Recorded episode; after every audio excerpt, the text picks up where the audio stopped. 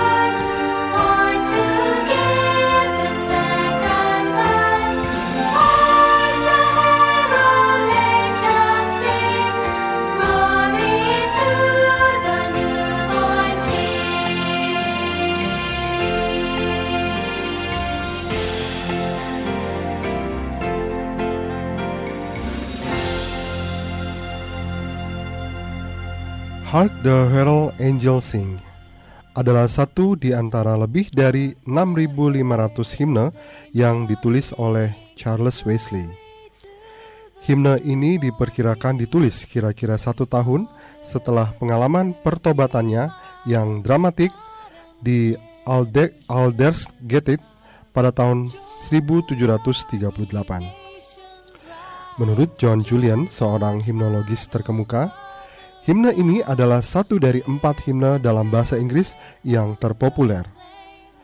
Dengan pasti himne ini menjadi satu dari carol Natal klasik hingga sekarang, yang dinyanyikan beribu-ribu kali setiap tahun di seluruh dunia. Seperti banyak himne Wesley lainnya, teks ini sungguh-sungguh merupakan pelajaran yang dipadatkan mengenai doktrin Alkitab dalam bentuk puitis mengikuti penuturan kembali kunjungan malaikat kepada para gembala dalam bait permulaan, syair-syair berikutnya sangat mengajarkan kebenaran-kebenaran rohani, seperti kelahiran oleh anak darah, ketuhanan Kristus, kekekalan roh, kelahiran kembali atau kelahiran baru, dan sebuah perhatian mengenai hidup serupa dengan Kristus. Seperti yang almarhum Eric Rutley, seorang himnis terkenal, Inggris mengatakan, amati dalam bukunya Hymns and Human Life. Himne-himne Wesley ini dikomposisikan agar para pria dan wanita dapat bernyanyi. Tidak hanya masuk ke dalam pengalaman, tetapi juga ke dalam pengetahuan bahwa kebudayaan dapat dibaptis dan ketidaktahuan dapat dibawa ke dalam kebenaran oleh kelemah lembutan melodi dan irama. Musik dan nadanya dikontribusikan oleh seorang komposer besar dari awal awal abad 19 yaitu Felix Mendelssohn. Ia dilahirkan ke dalam rumah Kristen Yahudi pada tanggal 3 Februari 1809 di Hamburg, Jerman dan meninggal di Leipzig, Jerman pada 3 November 1847. Mendelssohn yang dinyatakan sebagai anak jenius tampil di hadapan umum sebagai seorang pianis pada usia 9 tahun.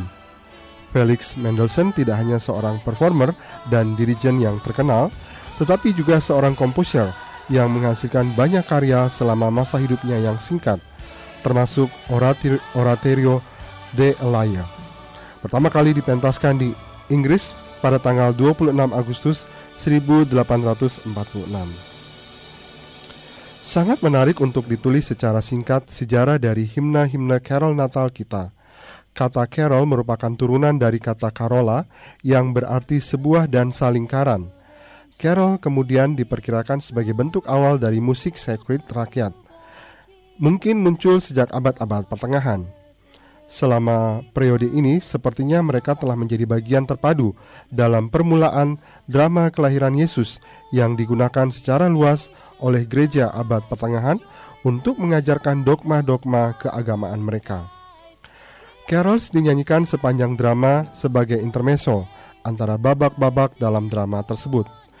Kemudian di tahun 1627, Parlemen Inggris Puritan menghapus perayaan Natal dan semua festival dunia duniawi lainnya. Selama sisa Selama sisa abad 17 dan memasuki abad ke-18, terdapat kelangkaan himne carol rakyat seperti ini di Inggris. Hark the Herald Angel Sing, karya Charles Wesley ini mewakili dari satu dari yang sedikit himne carol penting yang telah ditulis selama masa ini.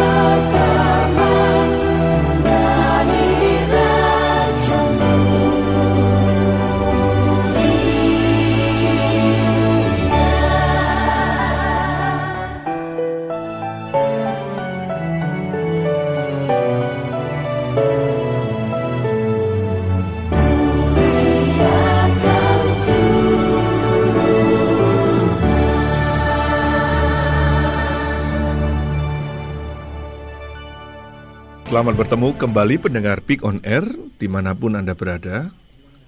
Dan selamat menikmati siaran Big pengajaran iman Kristen On Air bersama dengan saya, Sundoro Tanuwijaya dari Pelayanan Garam Bali. Program Big On Air ini akan memberikan satu khotbah seri para tokoh Alkitab dengan pendekatan yang memahami bagaimana pengalaman, pergumulan, dan dinamika iman mereka bersama dengan Tuhan Pendengar Pikon R, malam hari ini saya melanjutkan yang masih terkait dengan suasana Natal dan terkait dengan garis silsila Tuhan Yesus. Ada empat nama perempuan di dalam garis keturunan Yesus Kristus yang disebutkan di dalam Injil Matius. Kita sudah membahasnya sama-sama. Yang pertama adalah Tamar, yang kedua adalah Rahab, dan malam hari ini kita melihat Ruth. Ruth adalah seorang asing, tetapi dia memperoleh keselamatan di dalam bangsa Israel karena anugerah Allah. Bahkan melalui seorang janda, orang asing ini dapat melahirkan akhirnya nenek moyang daripada Daud dan juga menjadi garis keturunan Kristus sendiri. Ini adalah rencana Allah yang berhikmat dan luar biasa. Ruth adalah seorang wanita yang rajin, yang produktif, dan dia setia. Nah, ketika kita bicara Ruth, kisah Ruth ini adalah kisah antara menantu dan mertua. Jikalau saudara memperhatikan kisahnya Ruth, yang terambil di dalam kitab Rut. Kisah antara menantu dan mertua. Saudara akan menemukan hampir sulit ditemukan seakrab seperti kisah yang dituangkan oleh Alkitab tentang Ruth dengan Naomi mertuanya. Saudara, jikalau kita bicara persoalan antara mertua dan menantu adalah persoalan klasik dari zaman ke zaman. Akan banyak cerita jikalau kita mau bicarakan di sini. Antara menantu dan mertua jarang kita temukan itu bisa bisa sejalan, sepikir, sependapat begitu ya. Dan yang paling banyak kita temukan adalah menantu dan mertua itu mungkin menjadi gambaran antara kucing dan anjing begitu. Tidak pernah bisa sinkron. Tetapi kisah Ruth ini begitu luar biasa. Sangat berbeda. Kisah Ruth adalah kisah yang cukup singkat jikalau saudara melihat di dalam buku Ruth. Hanya terdiri dari empat pasal. Tetapi cerita yang berisi narasi yang pendek ini mempunyai pelajaran nilai yang begitu luar biasa, satu kisah manusia yang sederhana, tetapi ada kaitannya dengan kerangka besar rencana Allah di dalam keselamatan. Pendengar Pick on Air di mana pun Anda berada, kisah ini terjadi ketika zaman hakim-hakim. Zaman hakim-hakim adalah satu zaman di mana bangsa Israel berbuat sesuka-sukanya. Mereka menganggap kebenaran yang mereka anggap itu benar. Mereka semau-maunya. Periode ini adalah periode yang sangat gelap, periode yang kacau di dalam sejarah bangsa Israel. Tidak ada pemimpin, tidak ada nabi, tidak ada raja. Maka orang menganggap atau melakukan apa yang mereka anggap benar dengan semaunya. Dan apa yang terjadi pada saat yang kacau ini, saudara, sudah tidak ada pemimpin, tidak ada nabi, tidak ada hamba Tuhan, tidak ada raja, kacau, dan terjadi kelaparan di tanah Israel. Ketika ada kelaparan, maka Alkitab menyatat ada seorang yang bernama Elimelek. Elimelek istrinya bernama Naomi. Pasangan ini adalah orang Israel. Dan ketika terjadi kelaparan, dua orang suami istri ini pergi ke Moab. Mereka pergi ke Moab. Mereka sepakat mengambil keputusan ke Moab. Nah, saudara-saudara, Moab adalah musuh orang Israel. Moab adalah bangsa yang Tuhan dengan jelas melarang untuk bergaul dengan mereka. Orang Israel dilarang bergaul dengan orang Moab. Tetapi suami istri ini justru meninggalkan kota Allah pergi ke Moab. Saudara-saudara, bagaimana kita menyikapi satu kondisi hidup itu akan menentukan arah kehidupan kita selanjutnya.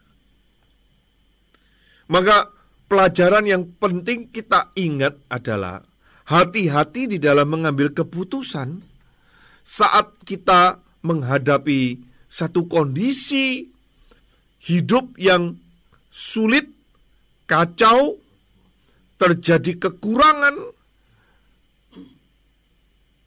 krisis tertentu, nah, hati-hati mengambil keputusan. Dan dan dan uh, Eli Melek dan istrinya ini Naomi, mereka akhirnya pergi ke Moab.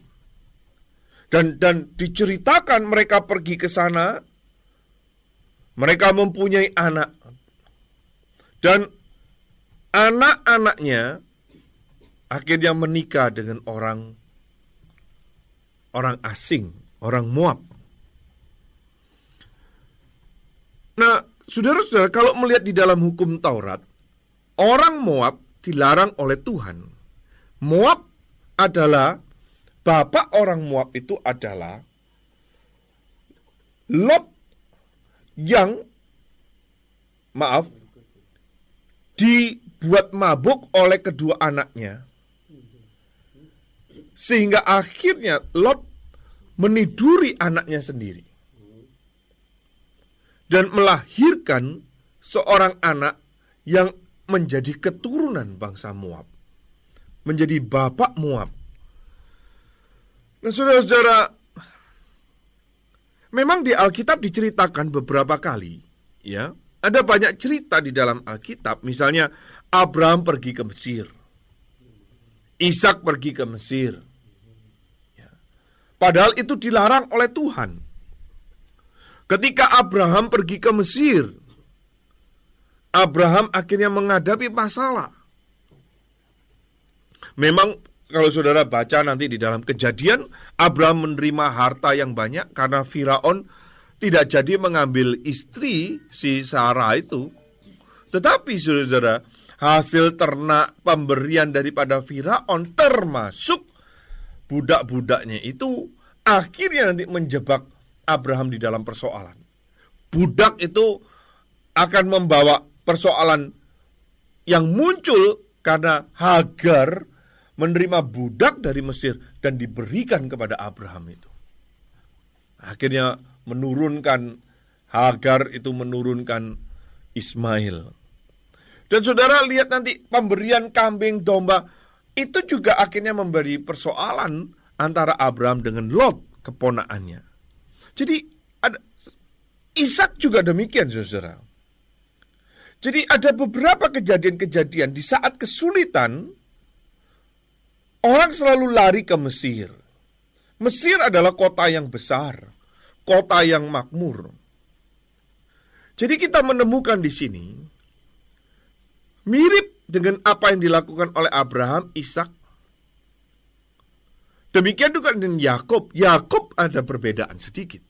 Ketika Yakub mau memutuskan untuk meninggalkan Kanaan dan mau ke ke Mesir, dia berdoa dulu. Dan Tuhan mengizinkan, silakan kamu ke Mesir, nanti aku akan membawa apa ini? Keturunanmu keluar dari Mesir dengan tangan yang kuat. Nah, saudara-saudara, demikian juga dengan Elimelek dan Naomi. Dia meninggalkan kota Allah, dia meninggalkan dan masuk ke Moab. Akhirnya saudara-saudara, ya kita menemukan nanti kisah ini tragis.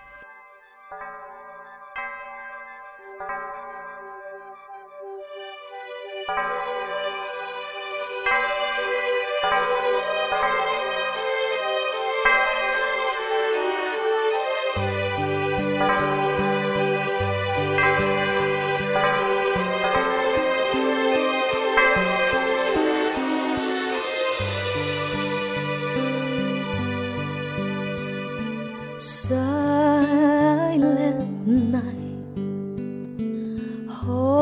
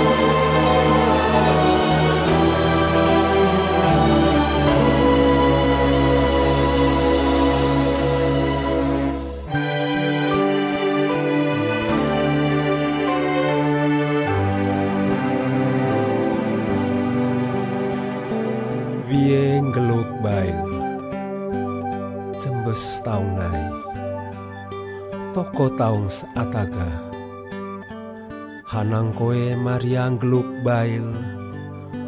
Aguronan lami serengkin. Yesus loas baugi. Yesus loas baugi. Silent night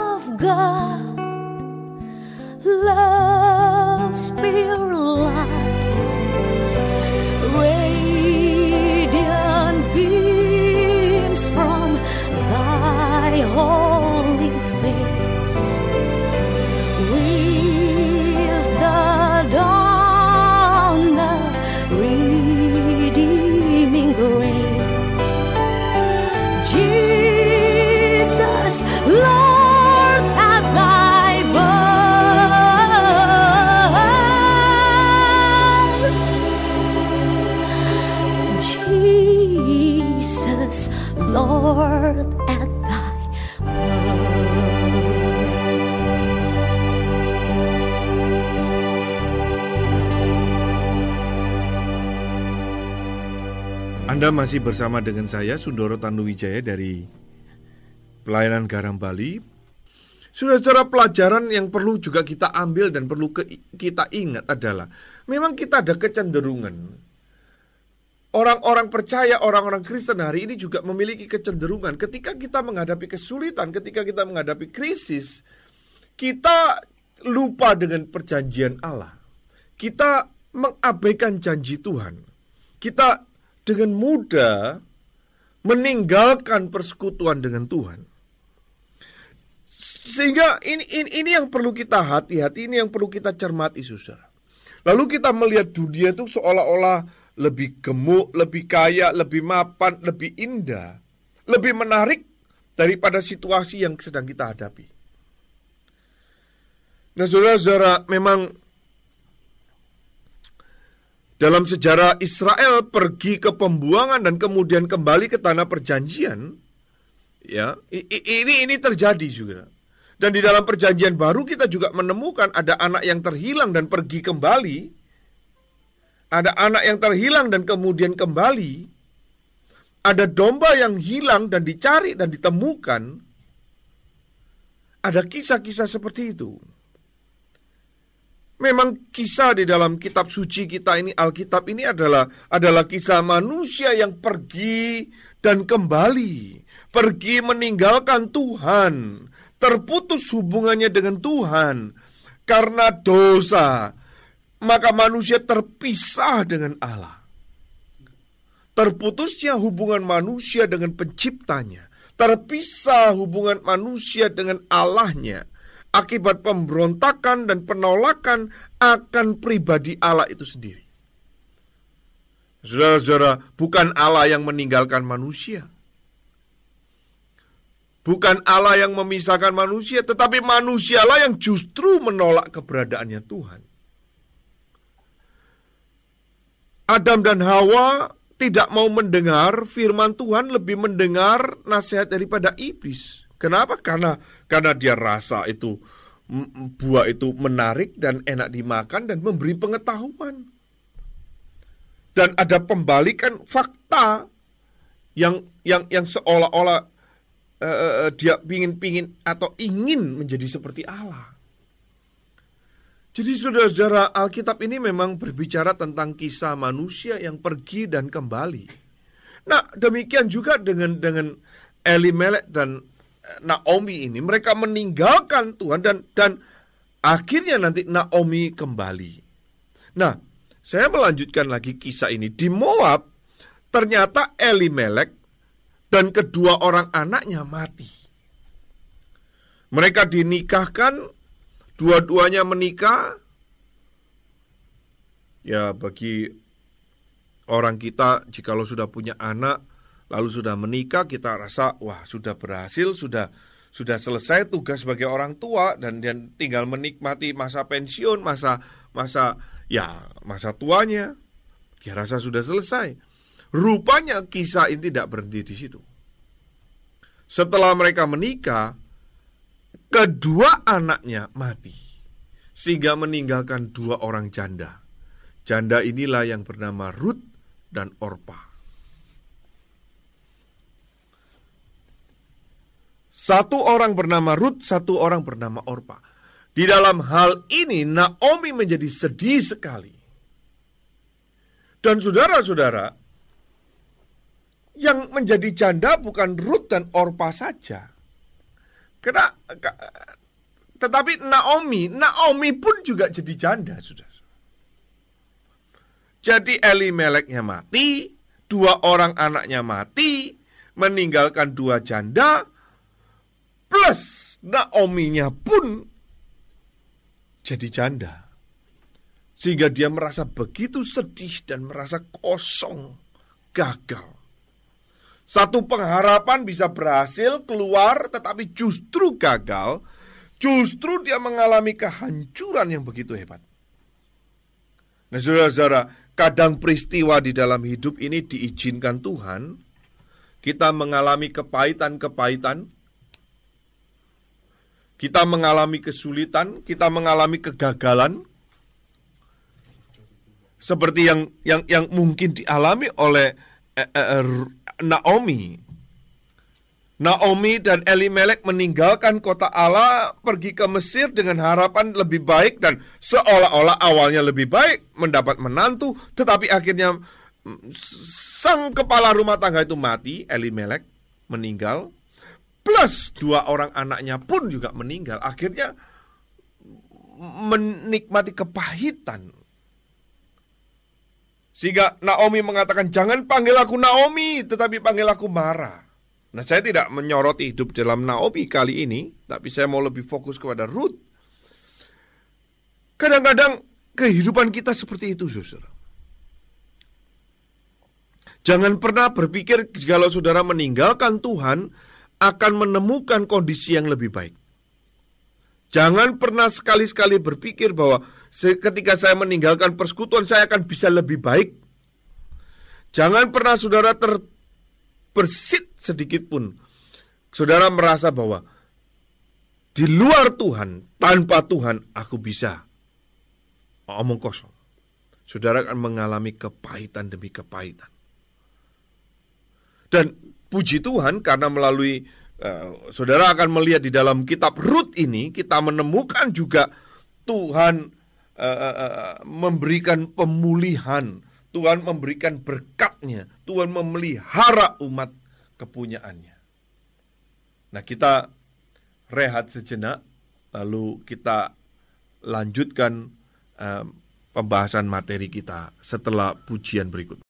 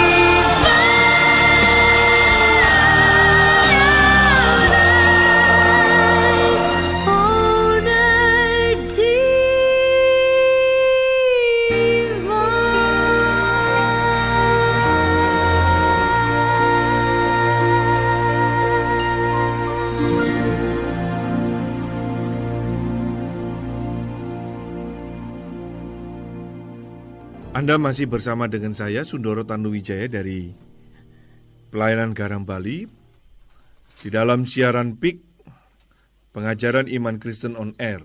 Saudara-saudara,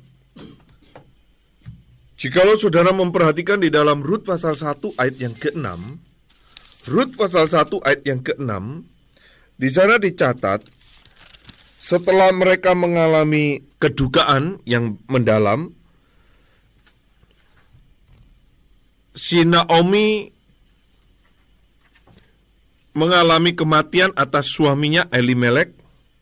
Si dua orang perempuan Moab, Ruth dan Orpa juga mengalami kematian atas suaminya. Lalu ayat 6 muncul begini, saudara. Kemudian berkemaslah ia dengan kedua menantunya dan ia pulang dari daerah Moab. Sebab dari da di daerah Moab ia mendengar. Apa yang mereka dengar? Mereka mendengar bahwa Tuhan telah memperhatikan umatnya dan memberikan makanan kepada mereka. Tadinya ada kelaparan, tadinya mereka mengalami kesulitan, mereka ada di Bethlehem, dan mereka meninggalkan Bethlehem menuju Moab untuk mencari makanan. Dan bukan makanan mereka temukan, tetapi mereka mengalami kedukaan. Dan sekarang mereka memutuskan, oke, okay, untuk kembali. Lalu mereka mendengar ada Tuhan sudah memberkati Bethlehem atau uh, uh, uh, uh, kota Allah itu atau atau uh, rumah roti itu Bethlehem artinya rumah roti. Nah, Saudara-saudara, Tuhan menolong umatnya, Tuhan memberikan mereka makanan. Tuhan adalah Tuhan yang beranugerah. Baik, Tuhan adalah Tuhan yang baik, Tuhan adalah Tuhan yang penuh rahmat kepada umatnya. Di dalam periode hakim-hakim yang penuh dengan kekacauan, penuh dengan ke kesimpang siuran, kebingungan, dan terjadi kelaparan pun Tuhan tetap beranugerah dan Tuhan memperhatikan. Kita melihat bahwa Allah bertindak bagi umatnya. Umatnya tidak akan pernah dibiarkan begitu saja. Umatnya pasti diperhatikan.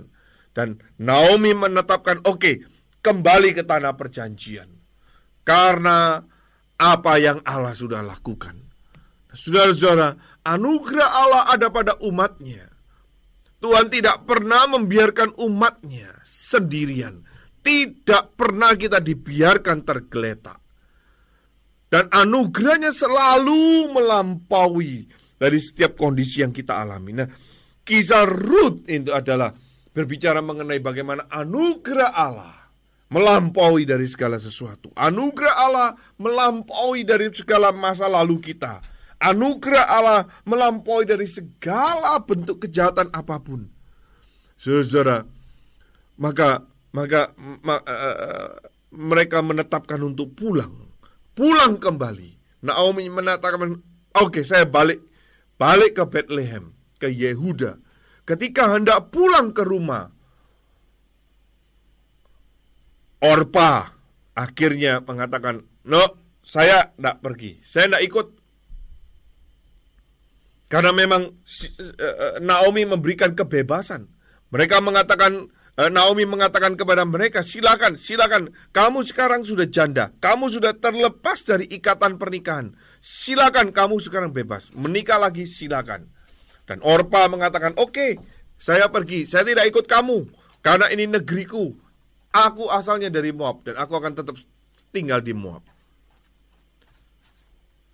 Karena Orpa cukup logis, masuk akal dia mengatakan mencari suami di Moab lebih mudah daripada di Israel. Dia orang bukan Yahudi, musuh daripada orang Yahudi, maka ketika kalau dia mencari suami orang Yahudi pasti sulit. Lebih baik dia mengatakan saya tetap tinggal di Moab, saya cari suami lagi di Moab. Dan Naomi mengatakan, "Ya, saya juga tidak mungkin memberikan anak kepada kalian lagi, tidak mungkin." Tetapi saudara-saudara, Ruth berbeda sekali. Ruth tidak sama dengan Orpa. Ruth berjanji untuk diam bersama dengan Naomi. Ruth mengatakan, Alamu adalah Allahku, bangsamu adalah bangsaku. Naomi kaget sekali. Naomi sebagai seorang mertua sangat terkejut dengan pernyataan Ruth itu. Ruth sadar Allahnya Naomi adalah Allahnya dia juga. Bangsanya Naomi adalah bangsanya dia. Buah inilah adalah pernyataan iman yang akhirnya menjadikan Ruth dihisap di dalam keluarga Allah. Di dalam hal ini, ini ada pelajaran yang baik. Naomi adalah umat Israel, tetapi gagal mengerti kebaikan Allah. Dia juga gagal mengerti anugerah Allah. Sehingga sehingga dia pulang pun dia menamakan diri Mara. Jangan panggil aku Naomi, panggil aku Mara. Tetapi Ruth beda sekali saudara. Ruth menyadari ada kebaikan, ada anugerah Allah. Jadi Ruth lebih menyadari daripada Naomi. Sehingga Ruth dengan mengatakan bangsamu adalah bangsaku, Allahmu adalah Allahku. Wow, kita menemukan satu kesadaran, kesadaran daripada Ruth bahwa Allah lah yang mengontrol, Allah lah yang berdaulat dalam segala sesuatu itu ada Allah di balik itu. Ruth melihat hal ini sehingga dia kaitkan langsung antara bangsanya dan Allahnya. Antara bangsaku dan Allahku. Itu dia langsung kaitkan. Ruth memiliki iman kepada Allah Israel. Ruth memiliki keyakinan yang dia melihat daripada Allah orang Israel. Allah Naomi itu. Sekalipun Naomi orang Israel sendiri tidak bisa melihat kebaikan dan anugerah Allah. Saudara-saudara, berapa banyak ya? Berapa banyak orang yang terlahir dari keluarga Kristen tidak melihat bagaimana anugerah Allah begitu besar di dalam hidupnya. Tetapi orang yang di, yang berlatar belakang dari keluarga yang bukan Kristen, waduh saudara-saudara, perjuangannya untuk menjadi Kristen Harga yang dia bayar untuk menjadi Kristen itu begitu mahal. Tetapi berapa banyak orang Kristen yang yang yang take it for granted, yang yang yang yang ya ya begitu kok memang saya sudah Kristen, so what gitu loh. Sudah sudah sudah sewajarnya ya begitu. Tidak lagi menghargai anugerah Allah sehingga dia tidak bisa melihat pribadi Allah yang turut bekerja di dalam segala sesuatu. Dia melihat satu satu uh, kecelakaan di dalam dirinya. Maka seperti Naomi dia mengatakan, "Jangan panggil saya Naomi, panggil saya Mara." Saudara-saudara Ruth melihat bahwa melihat hal ini dan dan Naomi juga melihat hal ini tapi tapi dua respon yang berbeda Saudara. Akhirnya Bahkan saudara akan menemukan Ruth mengatakan biarlah Allah itu menghukum aku kalau aku nggak setia dengan Naomi. Waduh saudara-saudara, ini menantu yang yang yang luar biasa saudara. Naomi tahu bahwa Allah mengontrol segala sesuatu. Makanya tadi ayat yang 6 mereka dengar Allah memberkati kota Yehuda, kota Allah. Maka ya dia mengerti dia mengatakan bahwa Tuhan yang Maha Kuasa telah melakukan banyak yang pahit. Maka jangan panggil aku Naomi, panggil aku Mara. Loh, dia ngerti loh Tuhan yang memberkati, tapi dia juga tahu bahwa Tuhan yang membuat hidupnya menjadi pahit. Maka kita menemukan di sini Naomi sadar ada Allah yang berdaulat. Dan menariknya, Ruth juga melihat kesadaran bahkan lebih daripada Naomi. berbeda sikap pula. Sehingga Ruth bersikap positif dan aktif terhadap masa depan. Sebaliknya, Naomi bersikap negatif dan pasif terhadap masa depan. Saudara-saudara, saya tidak tahu kesulitan apa yang yang yang sedang saudara hadapi. Saya tidak tahu persoalan apa yang sedang saudara hadapi.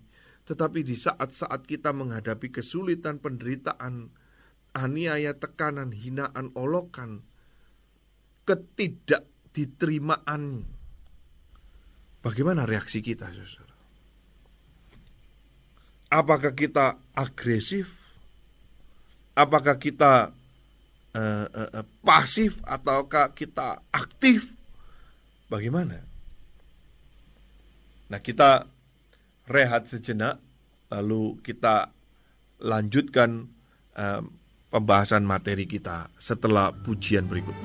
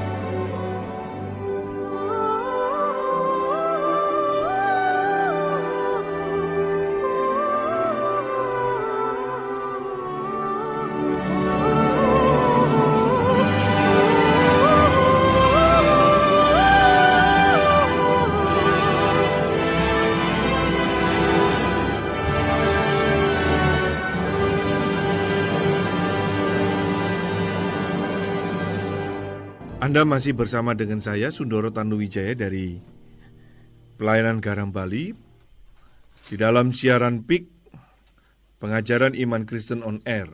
Saudara-saudara, di dalam perkataan Naomi, dia percaya bahwa sudah mengalami disiplin yang berat dari Tuhan. Karena dia meninggalkan Bethlehem dan pergi ke Moab. Mereka meninggalkan berkat Allah sekarang kembali tanpa suami, pergi bersama dengan suami dan anak-anak. Sekarang pulang tidak ada apa-apa, kosong dan miskin. Tetapi Ruth, Ruth di sisi yang lain, dia hendak datang kepada Allah yang mengambil suaminya itu. Dia hendak datang kepada sumber berkat itu. Ruth tidak melihat bahwa berkatnya hilang, Ruth tidak melihat, wow suamiku sekarang dimatikan, suamiku sudah tidak ada. lalu dia mulai marah kepada Tuhan. Tidak, justru Ruth melihat dia beriman, dia mengatakan Allahmu Allahku. Maka dia melihat sumber berkat itu. Wah, ini ini satu hal yang berbeda di dalam kehidupan Ruth. Ya. Maka penulis daripada Ruth ini memang diinspirasikan oleh Roh Kudus, oleh Roh Allah sendiri untuk dicatat. Karena ini sedang dikontraskan kepahitan yang dina, dialami oleh Naomi sama-sama kehilangan suami, tetapi saudara eh, eh, eh, eh, dua respon yang berbeda. Ruth dengan besar hati menerima realitas dan dia tidak tidak menolak realita itu. Dia tidak menyalahkan Tuhan, dia tidak me, me, meninggalkan atau melarikan realita itu. Dia dia, dia, dia terima dan dan dia menaruh pengharapan itu kepada Allah Israel itu. Bahkan kita menemukan nanti Ruth tetap bekerja dengan produktif, dia tetap kerja, dia tetap sebagai pekerja di di, di kebun, di ya di di mengambil apa sebagai pem, pe, pe, pengumpul gandum begitu ya. Sekali lagi saudara pelajaran pelajaran bagaimana sikap hidup terhadap kesulitan. Bagaimana sikap hidup terhadap terhadap kegagalan, terhadap kepahitan hidup ini. Ini bagaimana? Menentukan saudara. Menentukan masa depan saudara. Dan itu me me menyatakan iman saudara dan saya. Saudara-saudara kalau saudara baca nanti di dalam buku Rut ini muncul satu tokoh Boas. Boas adalah family atau keluarga dari Elimelek yang kaya. Tetapi dia juga bukan cuma kaya, dia juga orang yang baik, dia adalah orang yang ramah, dia adalah orang yang yang yang takut kepada Tuhan. Boas adalah orang yang saleh. Dia orang-orang yang menghargai Yahweh. Di dalam percakapan-percakapannya saudara menemukan karakter daripada Boas ini sangat baik sekali. Sangat baik sekali. Dan dan pekerja-pekerjanya pun sadar ketika melihat Boas ini adalah satu sosok yang yang yang takut akan Tuhan. Nah, saudara-saudara, saya tidak tahu bagaimana kehidupan kita sehari-hari, apakah kita membawa Tuhan di mana pun dan ke mana pun kita hidup? Apakah kita me me memancarkan kesaksian daripada kehidupan Kristus yang ada di dalam hidup kita? Apakah kita mendemonstrasikan anugerah Allah kepada orang di sekitar kita? Nah, Boas adalah orang yang seperti ini. Dia adalah orang yang saleh, melakukan firman Tuhan, ya, dan dan dia mengikuti karena dia mengatakan kamu uh, dia mengikuti ajaran-ajaran kitab suci karena Alkitab mengatakan kita harus berlaku baik kepada orang asing dan puas lakukan hal itu. Dia lakukan kepada orang asing yang dia anggap apa ini? Root itu orang asing. Maka dia menolong. Tetapi saudara, dia tidak sadar bahwa bahwa Boas itu adalah penebus masih keluarga daripada uh, mertua lakinya Elimelek. Nah, saudara-saudara, um, kita mengikuti ceritanya, saudara. Boas memang memperhatikan Ruth karena Ruth begitu giat bekerja, Ruth begitu rajin bekerja mengumpulkan gandum-gandum di di di apa di ladangnya Boas. Dan dan Boas mengatakan oke okay, dia kasih tahu kepada pegawainya untuk untuk sedikit sedikit apa sedikit sengaja tumpahkan hasil panenannya itu supaya Ruth bisa mendapatkan makanan.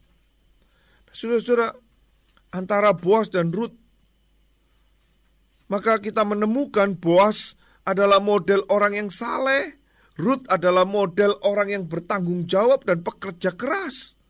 Ruth miskin, ya, tetapi dia tidak mengemis. Ruth memang janda, dia miskin, tidak punya apa-apa, tetapi dia tidak mengemis, dia tidak mencuri. Dia tetap bekerja, bekerja keras. Bahkan Ruth meminta permisi untuk memungut dan mengumpulkan jelai-jelai yang terjatuh. Dan Boas mengizinkan itu terjadi. Boas sengaja itu. Dia melakukan ini bukan saja untuk dirinya tetapi untuk Naomi. Dia merawat Naomi karena memang Naomi masih uh, apa ini? Uh, masih iparnya dia sendiri. Jadi saudara kita menemukan di sini satu pelajaran ya, tanggung jawab kepada keluarga. Tetapi kita juga menemukan bagaimana tentang kerajinan ketika miskin. Saudara-saudara ketika kita mengalami kesulitan secara finansial, secara ekonomi, tidak ada alasan bagi kita untuk melakukan tindakan-tindakan yang yang yang yang kurang bertanggung jawab yang akhirnya meminta-minta, meminta belas kasihan, tidak. Tetapi tetapi ini justru membawa kita membangun satu tanggung jawab untuk kita bekerja lebih keras. Nah, ini ini ini ini ada pesan yang yang indah sekali. Kemudian cerita ini berlanjut di mana Naomi mengenal Boas Wah rupanya Boas ini sebagai penebus, itu Goel itu. Yaitu kerabat dekat penebus. Saudara, di dalam hukum orang Yahudi itu adalah penebusnya. Di balik kebaikan dari Boas, Naomi itu yakin ada kebaikannya Yahweh. Naomi yang berpikir bahwa dirinya di bawah kutuk ilahi, sekarang melihat dirinya sebagai objek dari berkat ilahi. Yahweh memang sudah mendisiplinkan dia. Tuhan sudah mengajar dia karena dia dia tidak tidak berpegang kepada firman Tuhan, tetapi tetapi Tuhan tidak meninggalkannya. Saudara, sekali lagi, dia adalah Allah yang kasih dan setia. Dia adalah Allah yang kasih dan adil. Karakter Tuhan terhadap orang asir adalah terhadap orang asing adalah ber berbelas kasihan. Maka maka maka Boas Boas mencerminkan karakter Allah ini. Dia orang yang yang yang saleh, dia orang yang kaya, maka dia dipakai oleh Tuhan untuk memelihara Ruth dan Naomi dengan menyediakan makanan. Nah, kita rehat sejenak lalu kita lanjutkan uh, pembahasan materi kita setelah pujian berikut.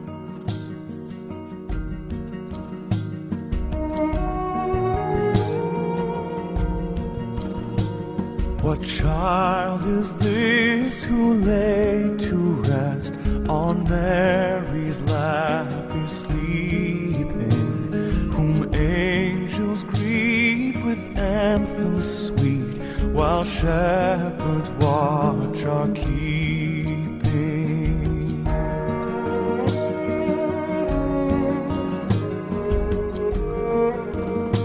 So bring him incense, gold, and myrrh, come peasant king own him. The King of kings salvation brings, let loving hearts enthrone him. This, this is Christ the King, whom shepherds guard and angels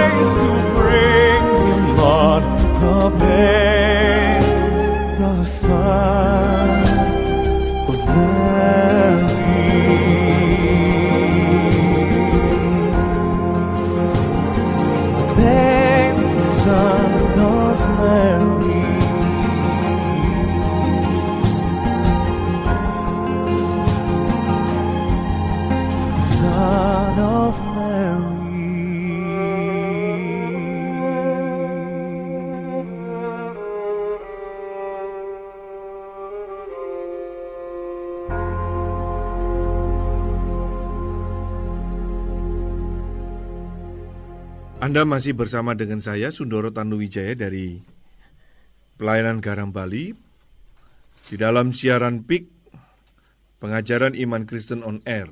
Saudara, ada kita sudah belajar beberapa kali dan me- me- mempelajari tentang Elia. Elia bagaimana Tuhan dipelihara dengan burung gagak, bagaimana dipelihara melalui sungai kerit, dipelihara melalui janda yang miskin, dipelihara oleh Tuhan. Dan dan dalam pemeliharaan Tuhan, Tuhan bisa memakai orang lain, Tuhan bisa memakai burung gagak, Tuhan bisa pakai siapa saja untuk memberkati kita. Nah, saudara, ini perlu kita sadari. Nah, karena merasa berkat Tuhan, Naomi kembali disegarkan. Pandangan yang salah tadi itu mulai mulai keliru, sehingga dia mulai sekarang mempunyai misi baru. Misinya apa? Yaitu mendapatkan Boas sebagai suami Ruth supaya mendapatkan garis keturunan kembali itu. Hah? Maka Ruth, Ruth eh, sebagai orang asing, dia mungkin kurang begitu memahami aturan main seperti itu. Tetapi eh, eh, eh, si- siapa ini Naomi men-set satu skenario, mengatur satu satu satu rangkaian untuk bagaimana akhirnya Boas diprospek untuk menikah kepada Ruth. Nah, saudara-saudara, em, kalau saudara nanti baca di dalam buku Ruth ini ada ada ada ada sedikit yang menarik begitu ya. Jadi eh, apa? Diminta Ruth itu menyingkapkan kaki itu ya. Se- ada- itu adalah sebuah undangan halus untuk untuk hubungan intim atau pernikahan. Nah, kita tidak mengerti konteks budaya waktu itu. Memang Em, dan bisa menganggap bahwa Ruth ini perempuan yang tidak benar. Saudara bisa saja anggap seperti itu. Tetapi Alkitab tidak menyatakan demikian. Alkitab tidak mengatakan bahwa Ruth tidak benar. Berarti ini adalah paradigma budaya yang kita tidak mengerti, yang tidak tidak kita temukan di dalam budaya hari ini. Maka ketika Boas bangun, maka Ruth mengatakan apa yang dikatakan Naomi dan perkataannya sudah dipilih. Di sini Ruth mengatakan bahwa dia adalah hambanya Boas, bukan lagi orang asing. Nah, dalam perka- dari perkataan Ruth ini ingin mengatakan bahwa Boas sebagai penebusnya untuk menebus dia. Jadi saudara-saudara, eh, eh, saya- sehingga se- ada perkataan permintaan untuk pernikahan itu. Eh, dia mengatakan kiranya sayapmu melindungi aku. Lalu lalu apa? eh, Boas eh, sedangkan eh, Ruth meminta Boas dan menerjemahkan perkataan salehnya itu kepada tindakan Ruth, Ruth, Ruth minta Boas untuk menjadi pelindungnya untuk mengambil dia sebagai istrinya. Saudara, memang konteks budaya waktu itu eh, seperti demikian. Jika seorang saudara meninggal, maka istrinya diteruskan oleh saudara kandungnya supaya namanya tidak hilang, tanahnya tetap ada, warisannya tetap ada, dan tidak terhilang dari Israel. Jika tidak ada saudara kandung, maka kerabat lelaki terdekat yang meneruskannya. Itu memang aturannya seperti itu. Budaya waktu waktu itu juga seperti itu. Kita menemukan di dalam pasal yang ketiga, Ruth, Boas adalah seorang yang menjaga nama baik. Boas bukan laki-laki yang yang yang kacau, sekalipun zamannya kacau. Boas adalah laki-laki yang yang saleh, sekalipun zaman itu. Sekali lagi ingat konteks Ruth, zamannya adalah zaman hakim-hakim. Maka Boas menyatakan keinginannya untuk menikahi Ruth dengan prosedur yang ada. Nah, saudara-saudara ini tidak langsung happy ending begitu ya. Sekali lagi saya tidak mau sorotkan terlalu banyak terhadap Boas, tetapi saya mau fokus kepada Ruth. Ada halangan-halangan, tetapi Boas tetap menghadapi itu. Ada kesulitan-kesulitan, tapi Boas bertanggung jawab untuk itu. Saudara, kita menemukan di sini bagaimana akhirnya Ruth dinikahi oleh Boas. Saudara, Boas ini memang adalah gambaran daripada Kristus yang menebus. Ya. Boas ini adalah gambaran bagaimana pemeliharaan Allah, providensia Allah itu itu itu uh, uh, dinyatakan kepada orang-orang yang yang yang beriman, yang mengasihi Tuhan, yang setia kepada Tuhan. Maka ini adalah satu pelajaran yang indah bahwa Tuhan tidak pernah meninggalkan umatnya, memelihara orang-orang yang dikasihi. Ketika ketika bayi Kristus itu terancam untuk dibunuh, Tuhan menyatakan diri melalui malaikat dengan dengan mengatakan kepada Yusuf, cepat bawa anak ini lari. Dan dibawa larilah anak itu oleh Yusuf dan dibawanya kembali anak itu saat orang yang mengancam itu mati. Ketika saudara melihat bagaimana orang Israel ditindas, dianiaya oleh orang Mesir, mereka berseru-seru kepada Tuhan. Tuhan juga membebaskan umatnya. Saudara, ada satu satu uh, hal yang yang yang saudara dan saya jangan pernah lupakan bahwa Tuhan adalah Tuhan yang beranugerah, adalah Tuhan yang setia, Dia adalah Allah yang yang yang yang memelihara orang-orang yang dikasih. Bahkan Alkitab mengatakan kita itu seperti biji mata Tuhan. Pendeta Dr. Stephen Tong pernah mengatakan, Jikalau kita melihat dunia ini begitu besar, begitu luas, itu berpusat kepada satu satu tempat, yaitu apa? Bumi.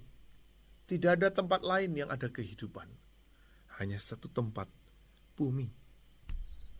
Di tengah bumi yang kita rasa gede ini, Tuhan menaruh perhatiannya kepada gerejanya. Ada begitu banyak umat manusia, tapi Tuhan memperhatikan umatnya. Dan di tengah apa? Kumpulan-kumpulan orang-orang percaya, Tuhan memperhatikan satu persatu pergumulan orang-orang yang ditetapkan di dalam kekekalannya. Saudara-saudara bayangkan, dari begitu yang besar luas Tuhan menaruh ke pribadi-pribadi satu pribadi demi satu pribadi. Kepedulian Tuhan sedemikian besar terhadap hidup saudara dan saya. Ruth mendapat perhatiannya Allah. Boas mendapat perhatiannya Allah. Naomi mendapatkan perhatiannya Allah. Malam ini saya ingin menyampaikan kepada saudara bahwa saudara pun mendapatkan perhatiannya Allah. Jangan kau merusakkan dirimu. Jangan kau menyia-nyiakan dirimu. Jangan kau menghambur-hamburkan waktumu, uangmu, dirimu dengan hal-hal yang justru merusak dirimu. Jangan engkau menyia-nyiakan dirimu, melampiaskan nafsumu, menghambur-hamburkan anugerah Tuhan Justru saya ingin sampaikan bahwa Allah memperhatikan hidupmu yang sampai paling dalam. maka persembahkanlah itu kepada Tuhan. Jangan pikir saudara rasa, aduh saya sudah tidak ada pengharapan Sundoro, masa depanku hancur karena masa de belakangku, masa laluku begitu kelam, begitu han, begitu mengerikan, begitu gelap. Seolah-olah saudara tidak ada pengharapan. Saya ingin katakan, Tuhan yang di dalam Kristus Yesus sudah menyatakan dirinya supaya saudara dan saya pulih kembali kepada pribadi Allah yang sejati itu. Janganlah engkau sia-siakan malam hari ini. Kiranya Tuhan menolong setiap kita dan memakai setiap kita. Kita akan rehat sejenak dan kita akan lanjutkan. Oh come, oh come, Emmanuel,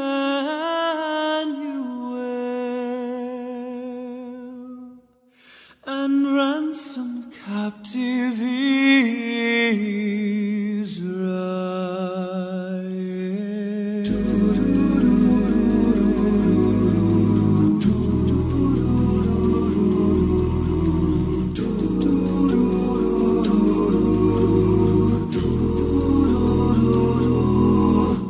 Oh come, oh come, Emmanuel,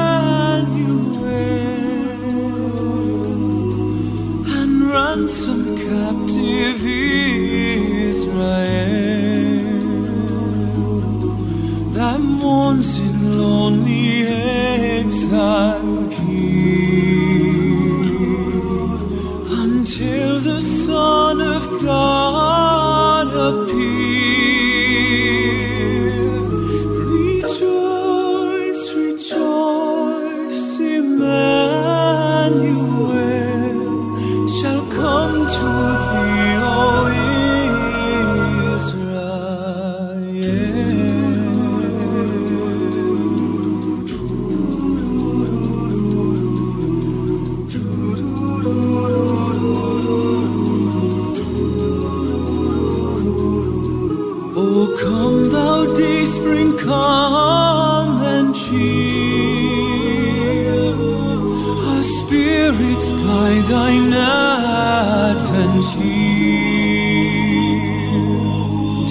Disperse the gloomy clouds of night and death's dark shadow put to flight.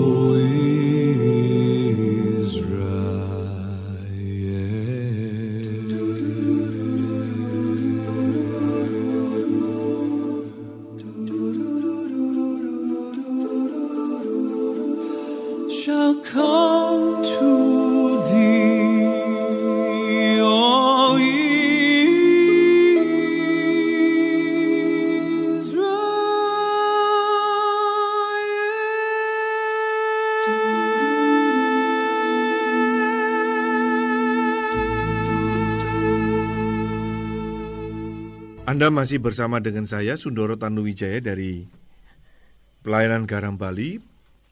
Kita sudah melihat bagaimana uh, kisah tentang Ruth akhirnya Tuhan uh, pertemukan melalui uh, perjalanan yang panjang setelah melewati perjalanan yang panjang dan melalui uh, pembentukan penghajaran Allah campur tangan Allah yang begitu uh, panjang dan dan dan tidak uh, mudah tetapi akhirnya uh, Ruth dijadikan istri oleh Boas dan saudara membaca di dalam Ruth pasal 4 kita akan menemukan di situ akhirnya uh, uh, Ruth melahirkan bagi Naomi seorang anak laki-laki dan menamakan Obed.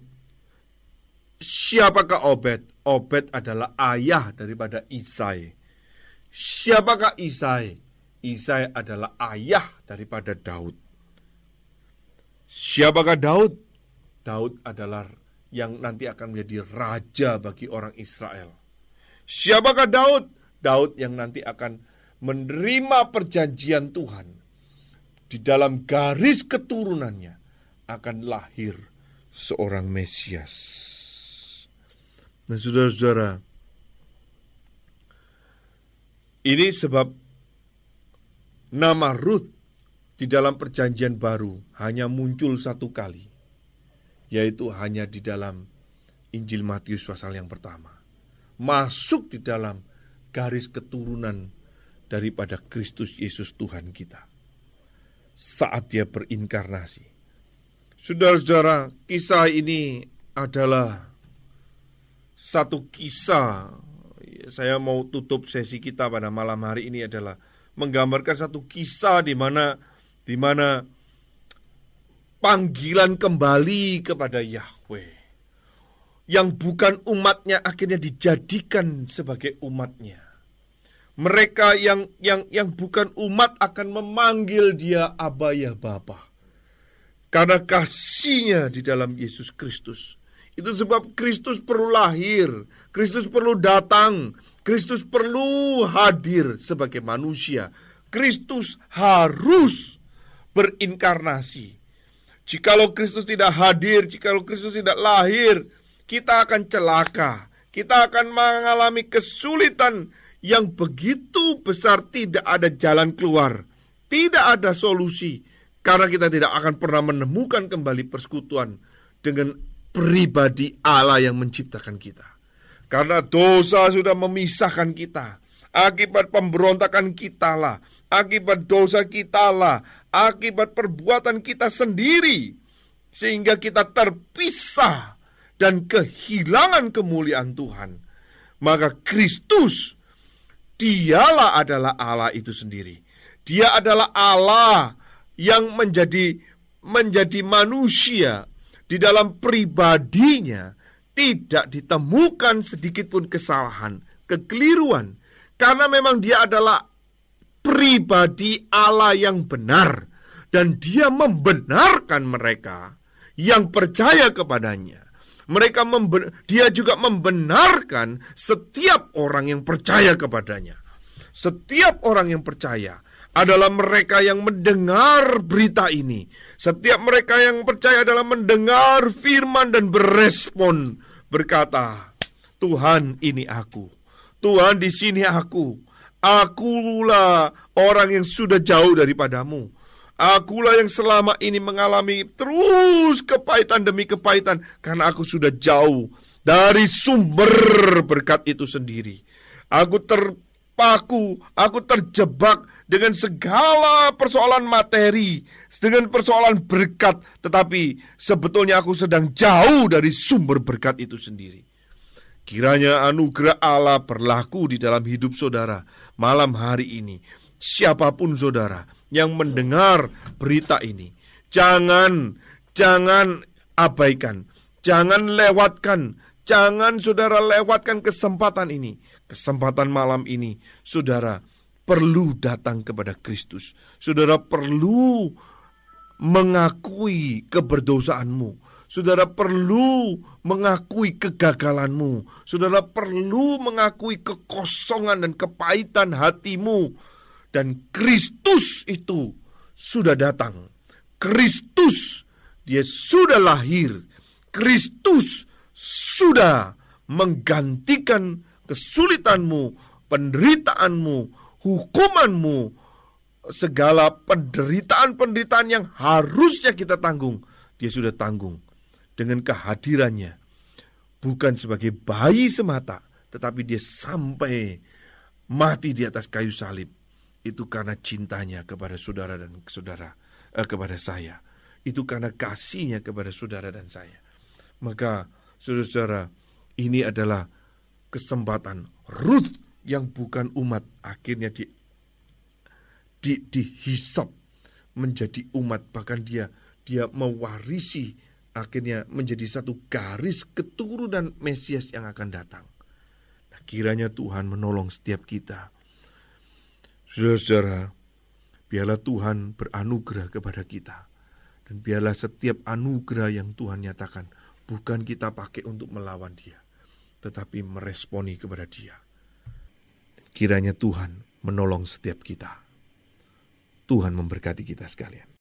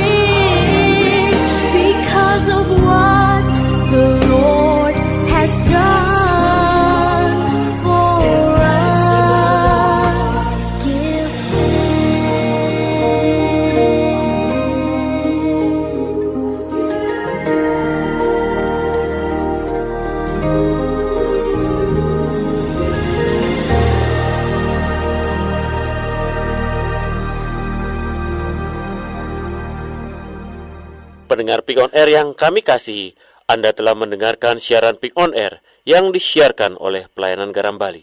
Jika Anda ingin mengetahui tentang aktivitas Pelayanan Garam Bali atau Tuhan gerakkan Anda untuk berbagian dalam donasi dana agar dapat mendukung pelayanan siaran ini lebih luas, silakan menghubungi kami di nomor 085 238 400 900 085 238 400 900 untuk mendapatkan informasi lebih lanjut.